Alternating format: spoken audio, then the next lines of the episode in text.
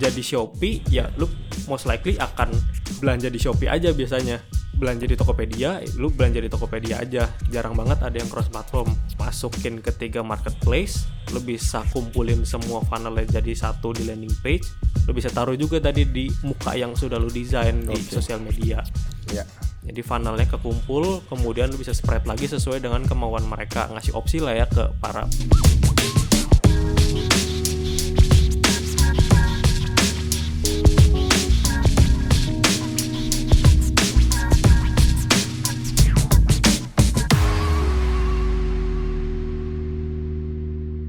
halo, balik lagi bersama gua Lei di Ngobis, ngobrol bisnis by teman startup.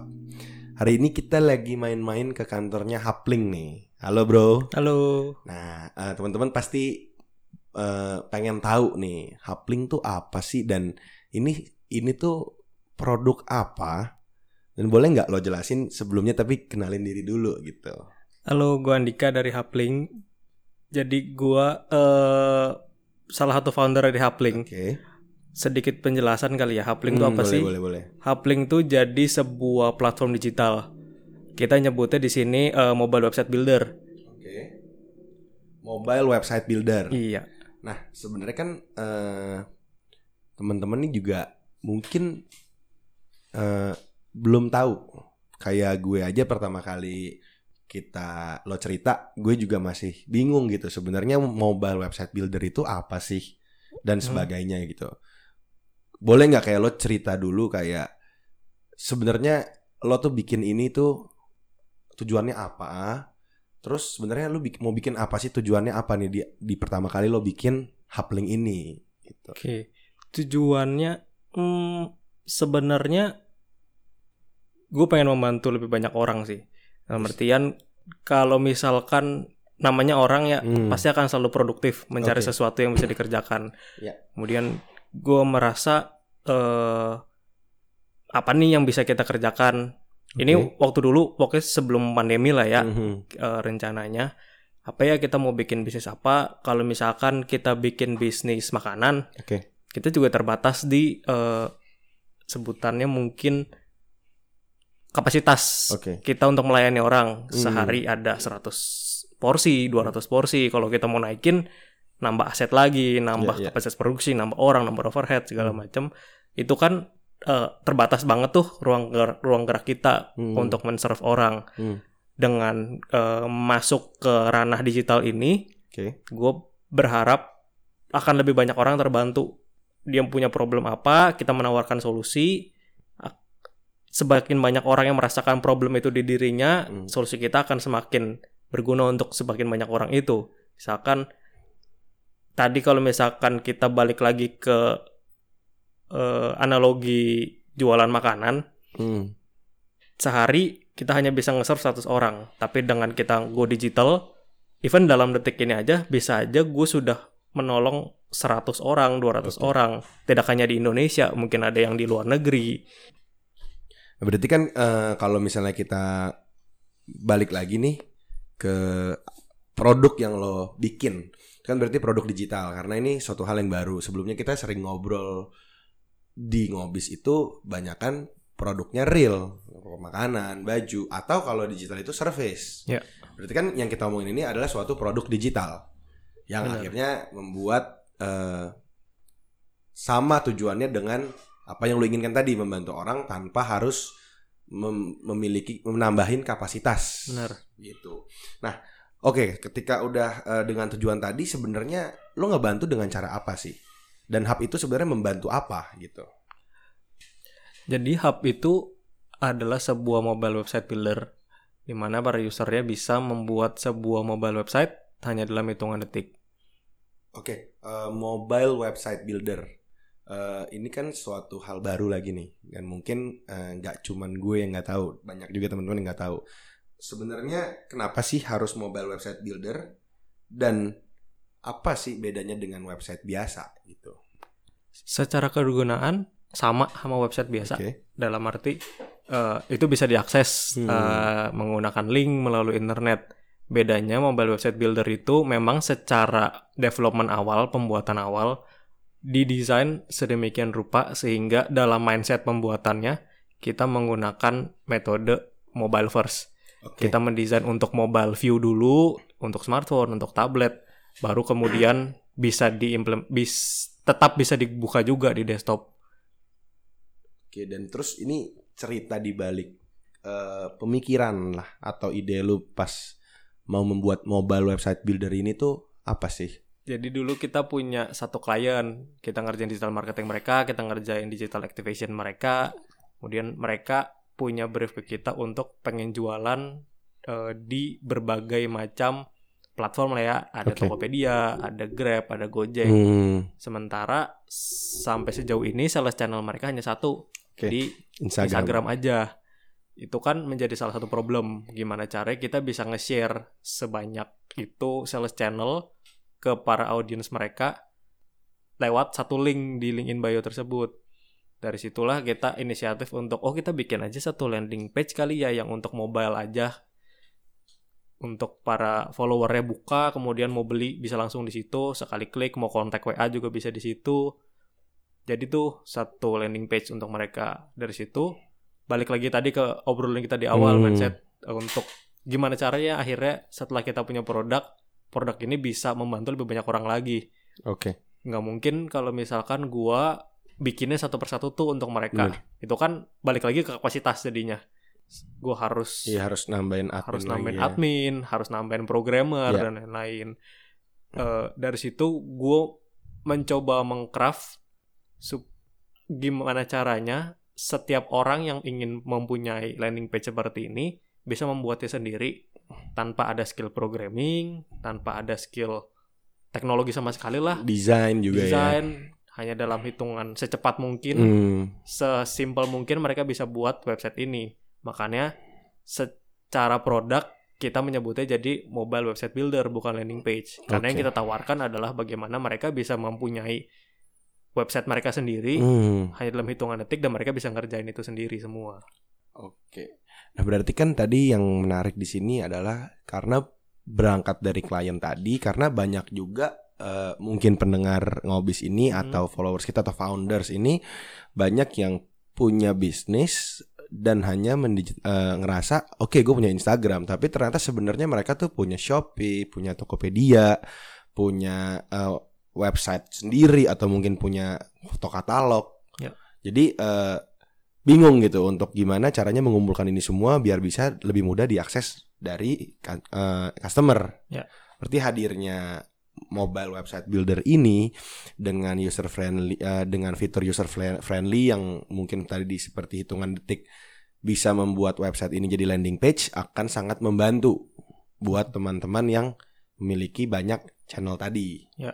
Oke. Nah, eh, sebenarnya kalau misalnya kita ngomongin UKM dan mungkin ya founders di sini yang mendengerin mungkin 90% bisnisnya ya sudah punya Instagram lah. Ya. At least Instagram karena kan sekarang mungkin Instagram yang paling umum digunakan gitu.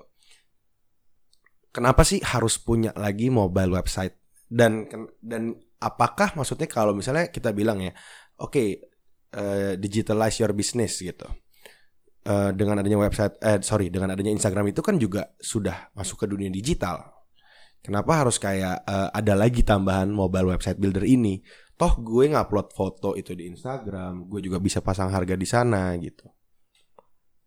Ini topik yang menarik sih buat Hmm. gue dan eh, partner founder gue. Jadi kenapa kita eh, kutip dalam tanda kutip ngotot untuk Hmm.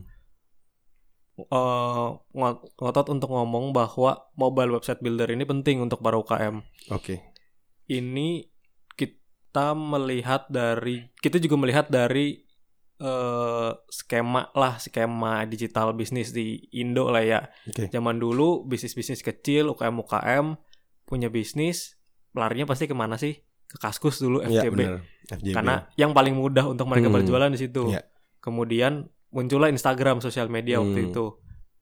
Pindahlah mereka yang dari FJB, Iya. mereka pindah ke sosial media supaya mereka eh, punya eh, ibaratnya punya satu muka sendirilah toko mereka Hmm. sendiri. Kalau FJB kan bentuknya thread, thread sama semua. thread sama Ya, semua dengan sosial media mereka bisa nge craft tuh Benar-benar. isi isi bisnis mereka apa, tampang utama mereka apa. Baru setelah sosial media muncul wave baru nih e-commerce. Oke. Ada Tokopedia masuk, Bukalapak Hmm. masuk, terakhir Shopee masuk. Ya, ya. Dari situ dimudahkan lagi dari yang mereka berjualan harus cek transfer, Hmm. harus ngirim nomor rekening. Ya. Jadi semua otomatisasi. Hmm. Kita melihat UKM merasa beberapa UKM merasa satu memiliki satu marketplace cukup untuk mereka. Oke. Bisa jadi iya, bisa jadi enggak. Mhm. Tergantung dari demand dan supply mereka. Ya. Sekarang kasusnya berapa banyak orang yang punya tiga akun marketplace tersebut dalam satu waktu atau sering banget nih belanja secara balance Hmm. sekali belanja di Shopee sekali belanja di Bukalapak benar. sekali belanja di Tokopedia nggak mau Banyak-banyak kayak gitu. sedikit kan kalau lu udah belanja di Shopee ya lu most likely akan belanja di Shopee aja biasanya Ya, ya. kasus kita kayak gitu Hmm. eh belanja di Tokopedia, lu belanja di Tokopedia aja. Jarang banget ada yang cross platform. Hmm. Dengan lu hanya punya satu marketplace, lu nggak bisa nih nge-guide eh, Hmm. customer-customer yang hanya punya Shopee atau pengen belanjanya hanya di Shopee. Oke. Itu kenapa kita merasa si mobile website ini hadir di situ. Dengan lu masukin ke tiga marketplace, lu bisa kumpulin semua funnelnya jadi satu di landing page, lu bisa taruh juga tadi di muka yang sudah lu desain di Oke. sosial media. Ya. Jadi funnelnya kekumpul, kemudian lu bisa spread lagi sesuai dengan kemauan mereka, ngasih opsi lah ya ke para pembelinya. Tuh. Jadi kan tadi sebenarnya ketika kita ngomongin eh, ada perpindahan lah Hmm. transisi dari FJB terus eh, Instagram terus kita lanjut lagi mungkin ke e-commerce gitu. Mungkin karena gue juga dulu pernah menjadi bagian dari FJB itu. Mm-mm. Awalnya gue juga gue jualan. Hmm. Eh, dan gue ngerasa ketika pindah itu ke Instagram ya di awal gue ngerasa kayak kayaknya nggak mungkin jalan gitu. Tapi ya somehow semua orang pindah ke Instagram. Ya. Terus eh, seiringan seiring dengan berjalan waktu juga ada e-commerce. Dulu kita ngerasa ketika kita chat pembeli gan barang ready nggak Hmm. kita PM terus dia kasih nomor telepon kita ajak COD minta nomor rekening bahkan ada rekber dulu Hmm. kayak gitu-gitu eh, itu gue ngerasa trusted banget dan ketika keluar e-commerce gue ngerasa ini suatu hal yang aneh karena kok gue mau belanja gue harus tahu banget tentang produknya gitu loh gue nggak bisa ya belum gue belum berpikir kayak beli barang itu segampang kita ngeklik nggak ada nggak ada obrolan tiba-tiba barang dikirim Mm. tapi kan eh, ternyata ya sekarang ya kalau bisa dibilang gitu ya mungkin angka pengguna FJB juga sudah sangat berkurang. Ya. Nah, berarti kan kalau misalnya kita ngomong adanya hub ini, hub ini bukan maksudnya nanti orang akan transisi ke hub, Bukan. tapi hub ini mendukung atau misalnya apa ya? Meno apa? Menopang Ya. mensupport proses transisi Betul. tadi dari FJB ke Instagram Instagram dan, Dan- marketplace. Ya, jadi eh, penggunaan karena kan banyak orang yang sudah investasi ya dalam tanda kutip besar di Instagramnya gitu, Ya. dengan jumlah followers, dengan eh, konten-konten yang kita tahu lah. Sekarang kita ngupload konten juga kita harus bayar gitu untuk bikin dan untuk ads. Tapi dengan hadirnya hub ini mau membantu menopang untuk transisi tadi juga ke e-commerce yang mungkin lebih dari satu Ya. dan mungkin selain e-commerce pun juga banyak yang bisa di eh, bisa dimasukkan ke dalam web- mobile website builder ini untuk men- mendukung si UKM tersebut. Ya. Kurang lebih begitu. Ya. Oke. Ini menarik sih. Terus eh, kalau misalnya kita ngomongin tentang yang tadi nih, digital gitu. Sebenarnya eh ketika gue bilang gue sudah punya Instagram, apakah bisa dibilang kalau bisnis gue tuh sudah udah digital, udah udah udah melek lah terhadap digital gitu? Karena kan gue udah jualan di digital, gue bukan buka toko di ruko yang beli cuman orang-orang situ aja gitu, atau gue sebar brosur. Gue sudah memasukkan toko gue ini ke digital gitu. Ke Instagram. Iya betul. Kalau menurut pendapat lu gimana? Hampir kalau menurut gua. Hampir. ya? Kakinya udah nyelup sebelah tuh. Oke, At least udah ada satu muka digital lah ya. oke, benar. Itu bedanya Mhm. nggak harus invest sewa ruko, Hmm. Nggak harus invest sewa toko. Iya, karena itu yang paling gampang. Paling gampang. Benar. Tapi mungkin bukan bahasa gue bukan harus berpindah ke digital. Memang sekarang secara otomatis orang memulai bisnis mulai dari digital dulu. Benar. Udah nggak bisa gue ngomong UKM harus go digital karena memang mulai sudah digital. Iya, iya. Mulai dari Instagram cuman mindsetnya yang harus diubah menjadi mindset digital. Oke, mindset digital ini apa nih? Banyak nih yang digital tadi punya Hmm. Instagram tapi mindsetnya konvensional masih tunggu orang untuk datang ke akun mereka untuk Oke. berjualan. Jadi Oke. mereka punya Instagram tadi invest gede nih untuk bikin Hmm. konten, bikin Mhm. video. Tapi ya udah tunggu aja orang nanti datang deh ke akun gua karena konten gue bagus kok, karena Mhm. produk gue bagus. Nanti Hmm. orang juga akan datang dengan sendiri. Itu mindset konvensional kan. Kayak lu lu punya toko, lu desain tokonya bagus, udah tapi lu nggak ngapa-ngapain. Tunggu aja ntar juga orang lewat lihat Kayak Hmm. bagus nih, gue masuk deh gitu. Oke. Konvensional. Oke. Nah, yang diharapkan dari lo sendiri nih, Hmm. ketika hmm, kita ngomong tadi Instagram, sebenarnya apa sih yang harus dilakukan selain setelah kita sudah Oke, gue udah bayar content creator, gue udah bayar desainer, gue sudah up konten gue gitu. Apalagi sih yang bisa dilakukan yang menurut lo tuh kalau tadi lo bilang itu nyemplungnya sebelah, apa nih yang nyebur?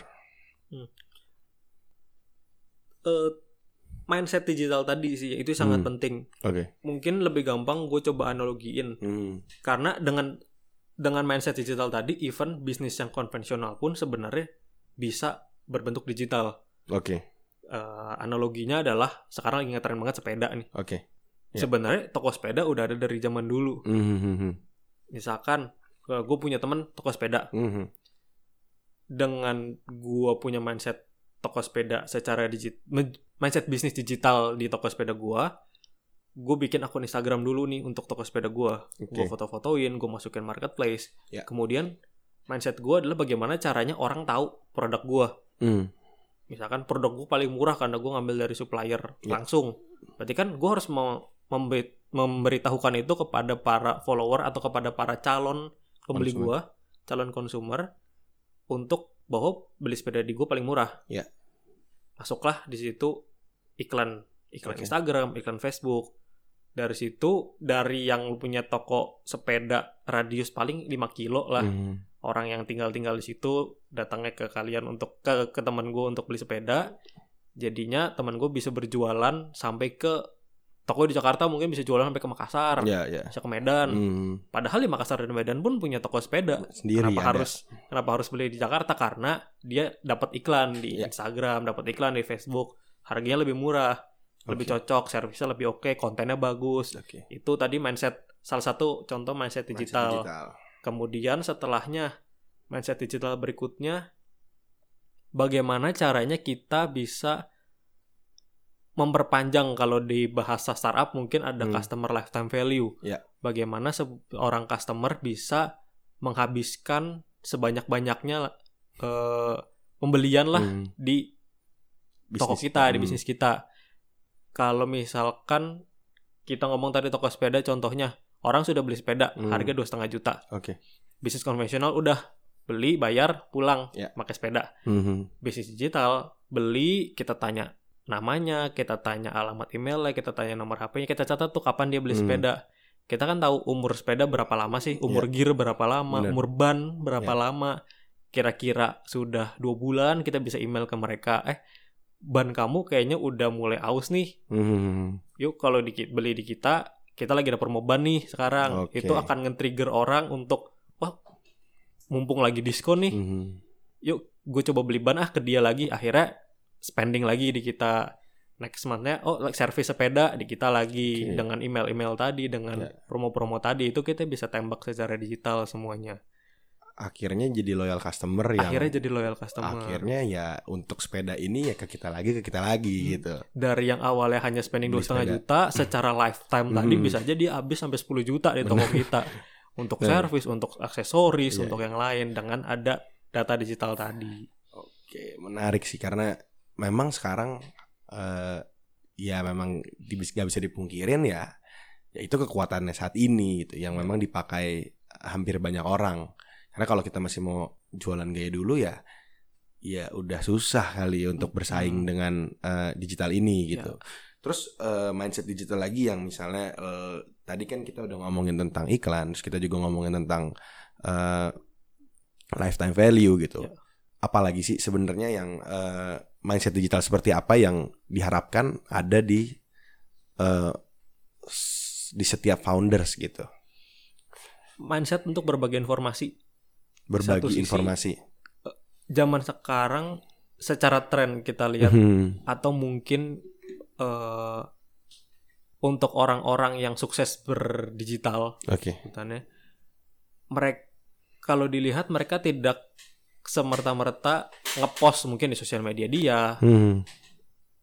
konten jualan direct selling tuh udah Jarang. konvensional banget lah direct Mhm. selling sekarang bagaimana caranya mereka bisa narik customer sebanyak-banyaknya dengan sharing informasi Oke. karena audiens itu senang banget informasi Hmm. tadi toko sepeda Ya. nggak hanya ngepost foto sepeda tapi ngepost aksesoris 10 aksesoris sepeda yang lagi ngetren sekarang Hmm. 5 ban sepeda terbaik Hmm. itu kan jadi menjadi pilihan untuk mereka benar-benar. dari situ masuklah mereka ke follow dulu akun Instagramnya kemudian menjadi top of mind nanti ketika mereka mau cari ban mereka mau cari aksesoris itu menjadi eh spillover dari strategi digital yang tadi Oke. Karena ketika itu ko- eh, ketika konten-konten yang disajikan itu please eh, pembaca yang tertarget tadi akhirnya ada engagement di sana gitu. Iya. Akhirnya eh, mungkin dia klik follow, awalnya cuman pengen cuman pengen tahu Pengen info. tahu, iya. Hmm, karena dia ngerasa ya gue bukan objek untuk orang jualan gitu. Orang Iya. di sini gue mendapatkan value kok. ya Padahal sebe ya sebenarnya ya Sebenarnya memang gue mau jualan Iya. gitu. Oke. Terus apalagi nih, Bro? Kira-kira setelah di eh, Oke, gue udah punya mindset untuk jualan online, gue juga udah mau punya mindset untuk eh reta- eh, loyal customer, gue juga sudah punya pemikiran kayak oh gue di Instagram itu atau di beberapa media pun yang gue pakai gue nggak bisa cuman selling. Apalagi sih yang harus eh, ada gitu. Tadi kita sempat bahas banyak orang yang sudah invest gede-gedean di akun Instagram mereka. Hmm, bener. Untuk gain follower untuk gain engagement. Ya. Endorse Ya, pasang ads. Mhm. Udah banyak tuh orang seperti itu. Cuman problemnya gimana caranya mendirect investasi kalian dari Instagram oke. menjadi pembelian? Hmm, oke. Karena itu banyak banyak problem yang terjadi kayak gitu. Ya. Orang follow follower banyak follow banyak tapi, yang tapi, beli nggak ada. eh, konversi Bener. sedikit tuh. Mhm. di situ funneling penting oke apa Dari- nih funneling bro Tuh, sebelum lanjut funneling banyak orang yang mungkin belum mengarahkan mengarahkan traffic Hmm, dari eh, sosial media kalian, Hmm. audiens kalian dari sosial media yang hanya tadi pengen tahu informasi atau follow untuk Hmm. Oke. menjadi pembelian konversi. paling standar paling standar deh Hmm. kalau kita bilang cuman ada Instagram berarti funneling ini ke WhatsApp kali Ke WhatsApp. itu itu juga bisa disebut funneling bisa oke WhatsApp ke direct message. Oke, itu ke bisa. direct message Instagram. Karena itu dua hal yang paling gampang untuk kita convert ke sales. Ya. Oke. Tap, eh, itu dua hal yang paling gampang, tapi Hmm. bukan dua hal yang paling cepat Oke. dan bukan dua hal yang paling otomatis. Oke. Tadi karena Iya, iya. ada admin yang harus Iya, balesin, tetap kapasitasnya tetap terbatas. Beda halnya ketika nanti ada di marketplace. Makanya kenapa marketplace itu ada kan untuk membuat ini lebih menjadi seamless lagi. Nah, funneling itu bekerja untuk mendirect sosial media kalian, audiens dari Mhm. sosial media kalian ke marketplace yang ada. Tokopedia, Shopee, Bukalapak. Mereka bisa melakukan pembelian di situ. Secara otomatis tuh jalan terus semuanya. Yang perlu kalian lakukan hanya gimana caranya mendirect atau eh, akuisisi customer atau calon pembeli kalian ke Hmm. Instagram kalian, ke akun sosial media kalian, kemudian nanti mereka akan dengan sendirinya funneling ke marketplace yang mereka mau kalau mereka Oke. ingin melakukan pembelian. Karena karena eh, menurut gue pribadi sih kalau kayak gue melihat diri gue sebagai konsumen lah gitu. Ketika gue misalnya gue mau beli barang di Instagram, sebenarnya ya gue gue paling males beli barang di Instagram karena menurut gue gue nggak tahu itu stoknya masih ada apa enggak. Iya. Gue harus DM dulu. Kadang-kadang juga lu tahu seller-seller online shop bisa ngegembok akun Instagramnya gitu Iya. jualan tapi tokonya tutup gitu dikunci digembok gitu kan gue harus follow gue harus nunggu dia approve dan sebagainya gitu Ya. bahkan sampai kalau gue tahu ada barangnya gue harus DM dulu Mm-mm. gue harus DM berarti Masih panjang tuh iya urusannya. dia harus balas dulu gue harus format. ya biasanya kan dikasih format Iya. tuh kadang gue juga malas ngasih format kan karena eh, ini kode pos kadang-kadang juga aduh malas banget gitu Iya. gue akan lebih nyaman ketika aduh cepet deh gitu Ya. gue pengen cepet beres bahkan untuk nyari misalnya pembelian oh sebenarnya dia buka di Tokped berarti kan gue harus ada effort lagi untuk gue tutup aplikasi Instagram, gue masuk ke Tokopedia, gue search lagi nama tokonya. Ya. Bahkan kadang-kadang nama toko bisa sama Belum sama yang tentu ketemu. Iya, karena kan ya search engine ya itu kan search engine-nya Iya. Tokopedia juga. Ya mungkin nama lu Toko Jaya, Toko Jaya ada banyak, Toko Jaya bangunan, Toko Jaya listrik gitu. Hmm. Kan jadi masih masih banyak eh, apa ya? Mungkin bilangnya pains kali ya. Pains yang akhirnya gue nggak jadi beli gitu karena gue males. Iya. Kayak gue mikir kayak gitu gitu.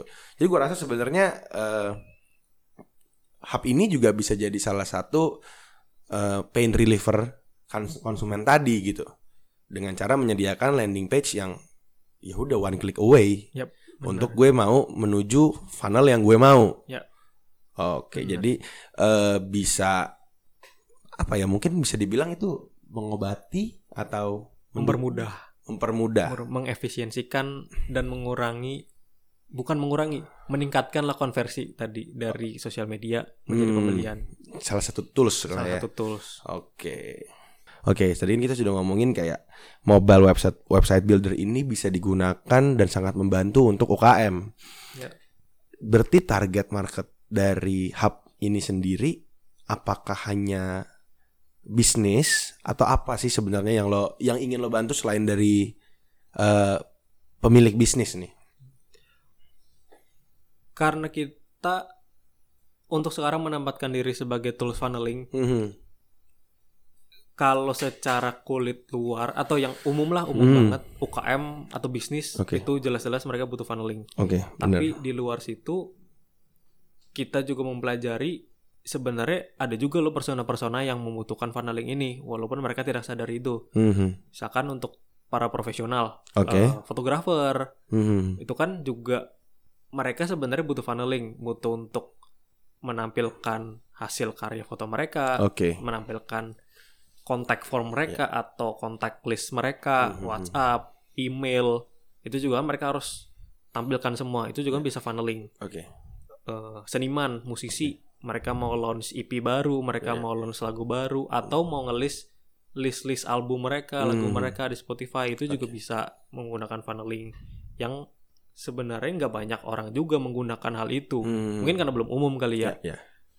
media apalagi media butuh untuk nge-track meng-create lah bukan nge-track meng-create backlink ke media mereka sendiri Hmm. either itu di website Ya. atau di platform media lain Oke. itu kan butuh ada funneling lagi tuh dari akun sosial media ke eh, konten-konten mereka sebenarnya persona-persona itu juga membutuhkan funneling cuma mungkin belum secara umum dipergunakan lah ya di Hmm. Karena karena sebe- ini sebenarnya kalau gitu kalau misalnya gue pribadi melihat ada optimisasi suatu media yang melebihi dari Instagram. Hmm. Karena lo mencoba menghubungkan orang yang sudah punya Instagram ke platform-platform atau tools lain. Ya. Kalau misalnya kita ngomong deh, misalnya let's say tadi eh, lo sempat sebut eh fotografer. Hmm. Dia ya yang ada di otak gue saat ini adalah orang kalau gue fotografer pasti gue menggunakan Instagram gue untuk gue masukin portfolio gue, hasil-hasil kerja gue semua gue taruh di situ gitu. Iya. Tapi kan dengan adanya eh, mobile website builder ini yang akan memfunnel ke platform lain ya sebenarnya dari Instagram itu gimana cara mendirectnya aja Ant- antara itu ke closing berarti ke chat misalnya bisa tanya jawab atau mau geser ke YouTube misalnya ternyata dia videografer juga Iya. ada video atau mungkin dia ternyata punya website atau dia punya ya masih banyak lagi gitu Hmm. berarti kan sebenarnya eh, salah satu kegunaan mobile website builder ini juga jadi mengoptimisasi tools yang sudah lo pakai gitu Iya benar. Mengamplify Hmm. eh, kegunaannya lah ya. Iya jadi gak cuman Instagram tok atau nggak cuman mungkin eh, YouTube tok gitu loh. Misalnya begitu. Ya. Akhirnya eh, dengan tools-tools tadi, apakah kalau gue bilang sebenarnya mobile website builder ini bisa disebut kartu nama? Bisa bisa Atau dibuat kayak- seperti itu. Mhm, kartu nama orang ya kayak misalnya ya di situ kalau misalnya gue mau memberanikan diri gue sebagai misalnya apa ya football entusias gitu gue Ya. pengen banget orang follow gue atau misalnya gue bisa bekerja di klub Inggris atau misalnya gue pengen kerja di media sport di Indonesia atau apa pun gitu jadi kan gue membangun eh, apa ya mungkin portfolio gue di dunia digital dari konten-konten gue gitu. Iya. Dan misalnya gue punya Instagram, di Instagram gue nguploadin quotes-quotes pemain bola atau misalnya gue di YouTube gue meng- mengulas pertandingan sepak bola, Iya.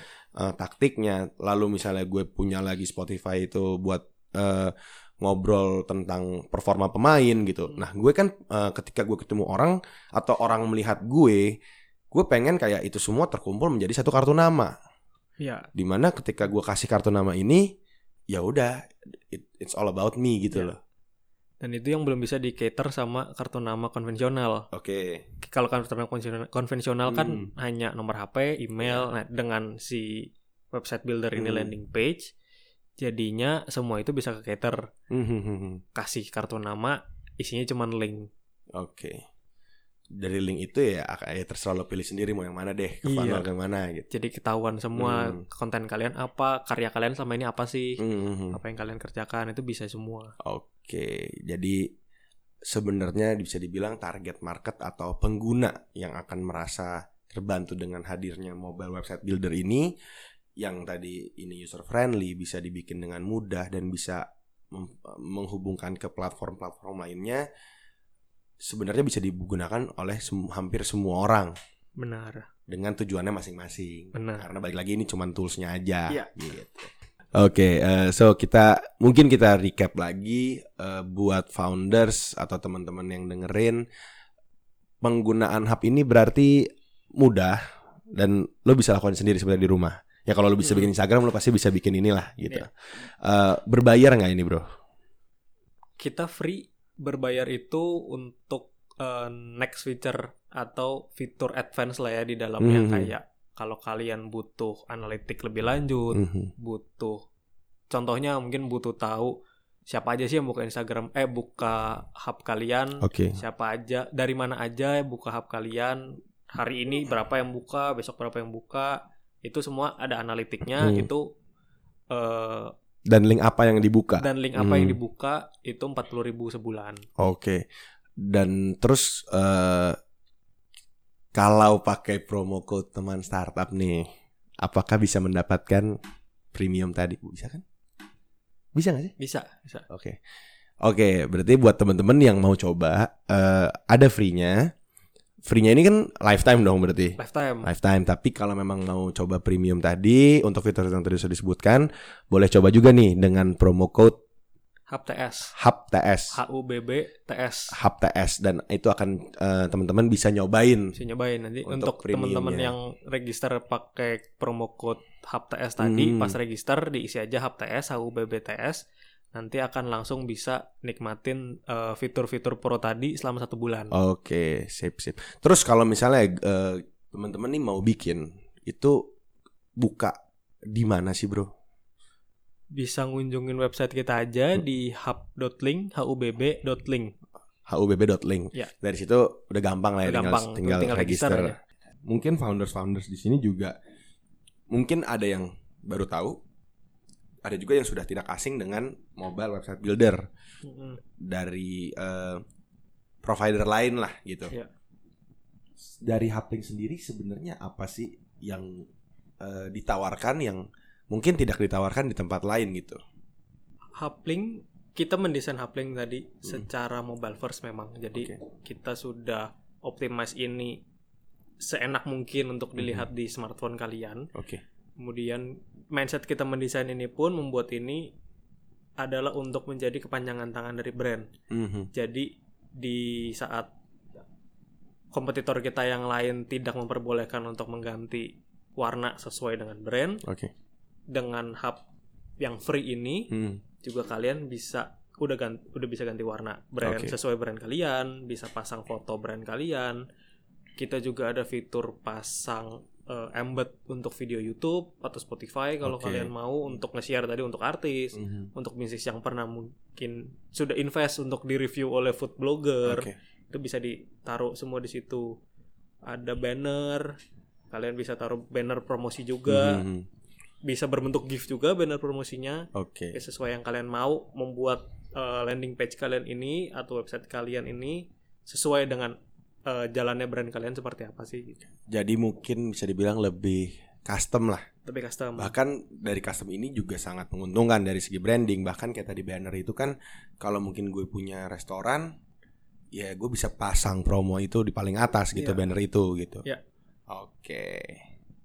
Thank you banget bro Andika kita dari tadi udah ngobrol-ngobrol kita juga udah dibolehin main ke kantor hub nih terus eh, udah sharing juga info-info tools yang akan berguna buat eh, founders di luar sana dengan bisnisnya gitu. Hmm, Thank you juga teman saap udah diundang nih ke podcast. Terus kalau misalnya bro nanti akan ada pertanyaan atau misalnya pertanyaan lebih lanjut atau misalnya pengen tahu bingung cara pakainya atau ngeceknya boleh nanya di mana bro?